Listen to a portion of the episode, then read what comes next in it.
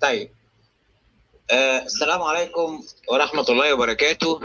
السلام عليكم ورحمة الله وبركاته. تحياتي لكم جميعا كل محبي ومتابعي قناة حقائق الأديان.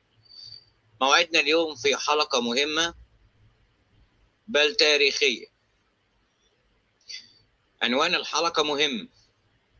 عنوان الحلقة دقيق. عنوان الحلقة بيبحث عنه المسلم المسيحي اليهودي.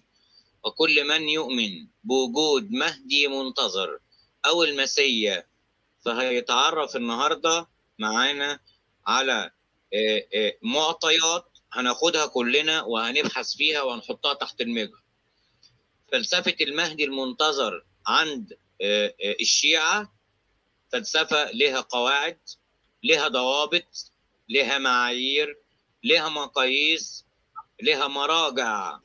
فلسفة وجود المهدي المنتظر عند الشيعة مهمة. محتاجين إن إحنا نركز في الحلقة. معانا شيوخ أو أساتذة محترمين.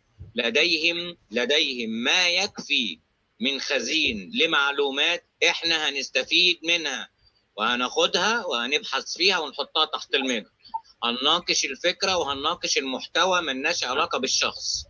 خليني ارحب بكل الساده المشاهدين اللي بيتابعونا على البث المباشر في قناة حقائق الاديان واللي بيتابعونا في المنتديات واللي هيتابعوا الحلقة بعد نزولها. أتمنى من حضراتكم تضغطوا على لايك وتعملوا مشاركات لأهمية الحلقة التاريخية.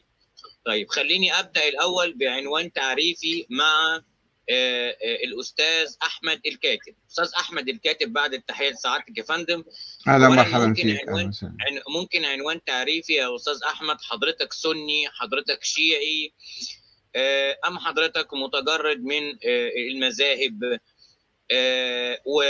ومع حضرتك 10 دقايق يا أستاذ أحمد. قول لنا بعد طبعا ما تعرفنا عنوان تعريفي لسعادتك طبعا. من هو المهدي المنتظر؟ هل هو له وجود أساسي يا أستاذ أحمد بعد بحثك بعد فكرك بعد تأملك بعد تدبرك؟ هل هي شخصية حقيقية أم شخصية خيالية؟ خلينا نفكر مع سعادتك بصوت عالي، اتفضل يا أستاذ أحمد. أه السلام عليكم ورحمة الله والسلام على فضيلة الشيخ محمد علي الفعاني المحترم أشكرك وأشكر الشيخ أيضا ل يعني استعداده للحوار حول هذا الموضوع المهم الذي هم ليس الشيعة فقط وإنما العالم الإسلامي أنا كتعريف لي أنا من بيئة يعني ولدت في بيئة شيعية إمامية اثنا عشرية ودخلت الحوزة العلمية صوتي واضح؟ واضح يا فندم نعم. دخلت الحوزة العلمية منذ نعم. دخلت الحوزة العلمية في كر... ليس واضحا؟ نعم. نعم.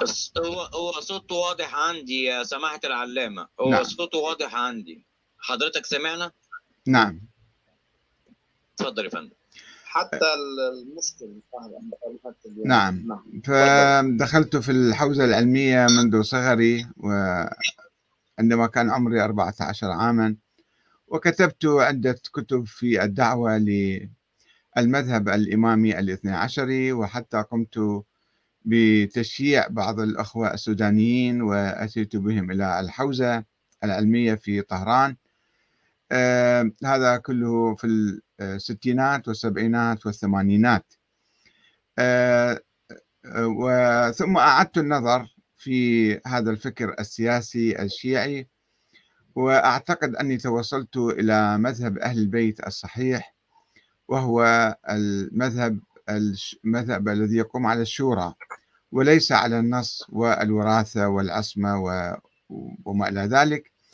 لذلك أنا أعتبر نفسي مسلم أولا ويكفي أن أكون مسلما لا سنيا ولا شيعيا. ولكن إذا أردنا أن نأخذ هذه التسميات التقليدية السنة التي اتبع سنة النبي طبعا وأشايع أهل البيت والإمام علي والإمام الحسين والأئمة الذين كانوا يضربون أروع الأمثلة في الزهد والتقوى والورع والعدل والتواضع وما إلى ذلك من تطبيق الإسلام بصورة جيدة وربما أفضل من غيرهم. أنا أعتقد أن حسب قراءتي ودراستي خصوصا كتاب الغيبة للشيخ الطوسي أن هناك آه، خلال القرون الثلاثة الأولى كان هناك أكثر من عشرين شخص ادعى المهدوية أو ادعيت له المهدوية.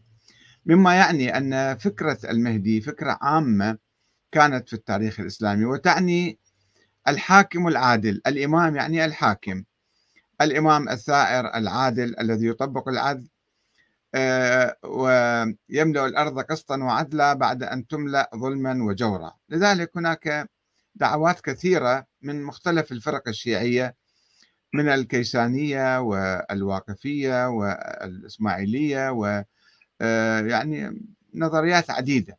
ففكرة المهدي هي فكرة حضارية جدا وضرورية جدا آه، عندما المجتمعات الإسلامية تهبط إلى القاع وتنحدر وتفسد ويحدث فيها الظلم والجور والفساد فلا بد أن آه، يأتي شخص أو تأتي حركة مهدوية آه، تقيم العدل وتقيم القسط في المجتمع. وهذا ما نحتاجه اليوم ويحتاجه كل مجتمع. في مجتمعاتنا في كل زمان ومكان نحتاج إلى مهدي لأنه بدون مهدي بدون حركة مهدوية نحن آه، يعني نسقط في القاع قاع التخلف والانحطاط والظلم والفساد. ففكرتي التي يعني كونتها عن آه، أن كل واحد يجب أن يكون مهديا. وفي كل زمان نحن نحتاج إلى مهدي. فهذه هي الفكرة خلاصة ما توصلت إليه. وأما المهدي الثاني عشر فهناك كلام حول وجوده وحول ولادته قبل أن نطلق عليه هذه الصفة ونقول أنه هو المهدي المنتظر حسب العقيدة الاثنى عشرية. هناك بحث ضروري آه، لا بد أن يتم آه، في إثبات ولادته ثم إثبات إمامته ثم الإدعاء أو القول بأنه هو المهدي المنتظر. ولكن هذه الفكرة التي آمن بها آه، بعض الشيعة في التاريخ في القرن الثالث والرابع الهجري أثرت سلبا على الشيعة في الحقيقة عندما حصرت تطبيق الإسلام وتطبيق الإمامة وقيادة الأمة بهذا الشخص المفترض الذي لا دليل على وجوده وولادته وذهب كثير من العلماء عبر التاريخ بتحريم إقامة الدولة في عصر الغيبة لأنه يشترط أن يكون الحاكم إماما معصوما معينا من قبل الله. وحسب قول الشيخ الصدوق في كتابه إكمال الدين بأن من يعتقد من يعتقد بولاية الفقيه أو يجيز إقامة الدولة في عصر الغيبة هذا يخرج عن دين الإمامية. يعني لا يعود إماميا آه، اثنا عشريا وأعتقد أن الشيعة اليوم قد تجاوزوا هذه الفكرة وتخلوا عمليا عن نظرية الإمامة وعن انتظار ذلك الإمام الثاني عشر بتبنيهم للنظام الديمقراطي أو الشورى وإقامتهم للجمهورية الإسلامية في إيران أو الجمهورية الديمقراطية في العراق ومشاركتهم في الحياة السياسية في كل مكان ونشوء مقاومة الاستعمار مقاومة الصهاينة. هذا تطور إيجابي مهم وعظيم في الفكر الشيعي بما يؤكد أن نحن بحاجة إلى القيام بحركة سياسية بحركة بإقامة دول وإقامة حكومات في هذا العصر وعدم انتظار شخص معصوم يأتي من الله ولم يأتي خلال 1200 سنة آه، لم يخرج هذا الإنسان ولم يقم بأي دور ثقافي أو سياسي أو فقهي أو توجيهي أو إرشادي. ولذلك لا بد أن نعيد النظر في هذه الفكرة حتى نعود فنتحرر ممن يحاول أن يستغل الفكرة. كما حدث في التاريخ أن جاء ناس وقالوا نحن نواب هذا الإمام ولنا ولاية على الناس ونحن الحكام الشرعيون ويجب على الناس الاستماع إلينا وطاعتنا وإعطاء الأموال لنا. وأيضا كان كان لهذه الفكرة فكرة افتراض وجود ولد للإمام العسكري والقول بأنه هو الإمام المعصوم الثاني عشر الغائب كان لها أثر سلبي على وحدة المسلمين لأن الآن ما يفرق بين الشيعة والسنة. هو هذا الكلام هو آه، الاعتقاد بوجود هذا الولد الإمام المفترض يعني ونظرية الإمامة. لو لم يعتقد الشيعة آه، يعني ب ولم يفترضوا وجود الإمام الثاني عشر لكانوا أعادوا النظر في نظرية الإمامة. نظرية الإمامة انبثقت وخرجت وتبلورت في القرن الثاني الهجري ووصلت إلى طريق المسدود في القرن الثالث الهجري بعد وفاة الإمام العسكري دون أن يخلف ولدا ظاهرا أو يشير إلى وجود ولد له أمام الناس. آه، كثير من الشيعة الذين كانوا يؤمنون بنظرية الإمامة تخلوا عنها وقالوا تبين لنا أن هذه النظرية يعني أو الفرضية هي أيضا غير صحيحة ولا آه، وجود لها ولم تستمر في الحياة. فإذا نعود إلى نظرية الشورى و يعني هم تأخروا 1200 سنة حتى يعودوا إلى الشورى. الآن الشيعة عادوا إلى الشورى. وبعودتنا إلى الشورى تزول معظم الخلافات بين المسلمين بين السنة والشيعة.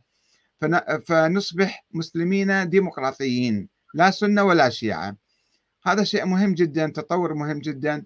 يجب أن نلتفت إليه ونبحثه بجدية. نبحث موضوع ولادة محمد بن حسن العسكري بغض النظر عن الصفات الأخرى التي يعني ألحقت فيه به فيما بعد أنه هو إمام هو المعصوم هو المهدي المنتظر. آه، وأعتقد يعني هناك حركة الآن في العالم الشيعي آه، يعني حركة ثقافية تحاول إعادة النظر في هذه النظريات والفرضيات التي ليس لها أساس صريح وواضح وجلي لا من القرآن الكريم ولا من السنة النبوية ولا من التاريخ ولا من الواقع. أستاذ أستاذ أحمد الكاتب يعني من أخطر وأهم المعلومات اللي أنا شخصيا سمعتها النهاردة. نعم. حضرتك يا فندم قلت إن أنت درست في الحوزة العلمية. نعم. وحضرتك يا فندم قلت إن أنت كنت في سبب أنت كنت سبب. بس أنا أتمنى نعمل ميوت يا جماعة بعد إذنكم بس اعملوا ميوت. حضرتك قلت أيضا إن أنت كنت سبب في تشييع بعض من الأشخاص في السودان. نعم نعم. أسست حركة حركة شيعية في السودان. أسست حركة شيعية في السودان عام 86 يعني حضرتك صاحب حركة تشييعية في السودان يا فندم؟ نعم نعم. ولا تزال موجودة في السودان. طيب أتمنى من السادة المشاهدين اللي بيتابعونا على البث المباشر في قناة حقائق الأديان أن يعلموا أن هذه الحلقة سوف تكون تاريخية. وأنا أوعدكم بهذا. س...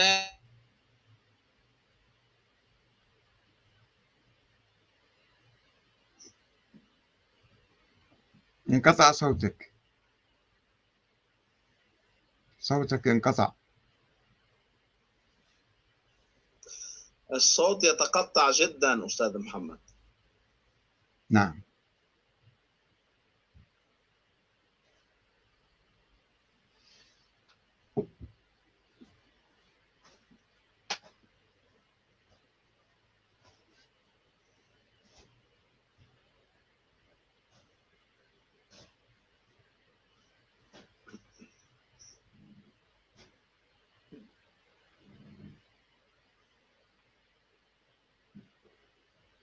أستاذ محمد تسمعني؟ أستاذ أحمد. لا أنا أسمعك ولكن هو الصوت انقطع. هو يبدو عنده مشكلة الآن يحاول يحاول يعالج. كده تمام نعم. كده تمام كده تمام الصوت تمام الصوت نعم. تمام. نعم. الصوت تمام. أتمنى من كل السادة المشاهدين اللي بيتابعونا على البث المباشر بعد إذنكم اعملوا لايك يا جماعة واعملوا مشاركات كبيرة جدا للحلقة لأهميتها التاريخية. معلومات جديدة وأول مرة نسمعها. أستاذ أحمد الكاتب هو شيعي الأصل درس في الحوزة العلمية وكان سبب في تشيع بعض من الأشخاص في السودان. كان له حزب تشيعي في السودان. أستاذ أحمد الكاتب الآن وصل لمرحلة بيسأل سؤاله بصوت عالي بيقول ما السبب في انتظار شخص معصوم زي المهدي؟ أستاذ أحمد الكاتب بيقول السبب في التفرقة بين السنة والشيعة هو انتظار المهدي وفلسفة الإمامة. الأستاذ أحمد الكاتب بيقول كثير من الشيعة تخلوا عن فكرة المهدي. فإحنا بمثابة وضع نقاط على الحروف حجة بحجة علم بعلم منطق بمنطق إيمان بإيمان. فضيلة الشيخ سماحة العلامة محمد علي الفعاني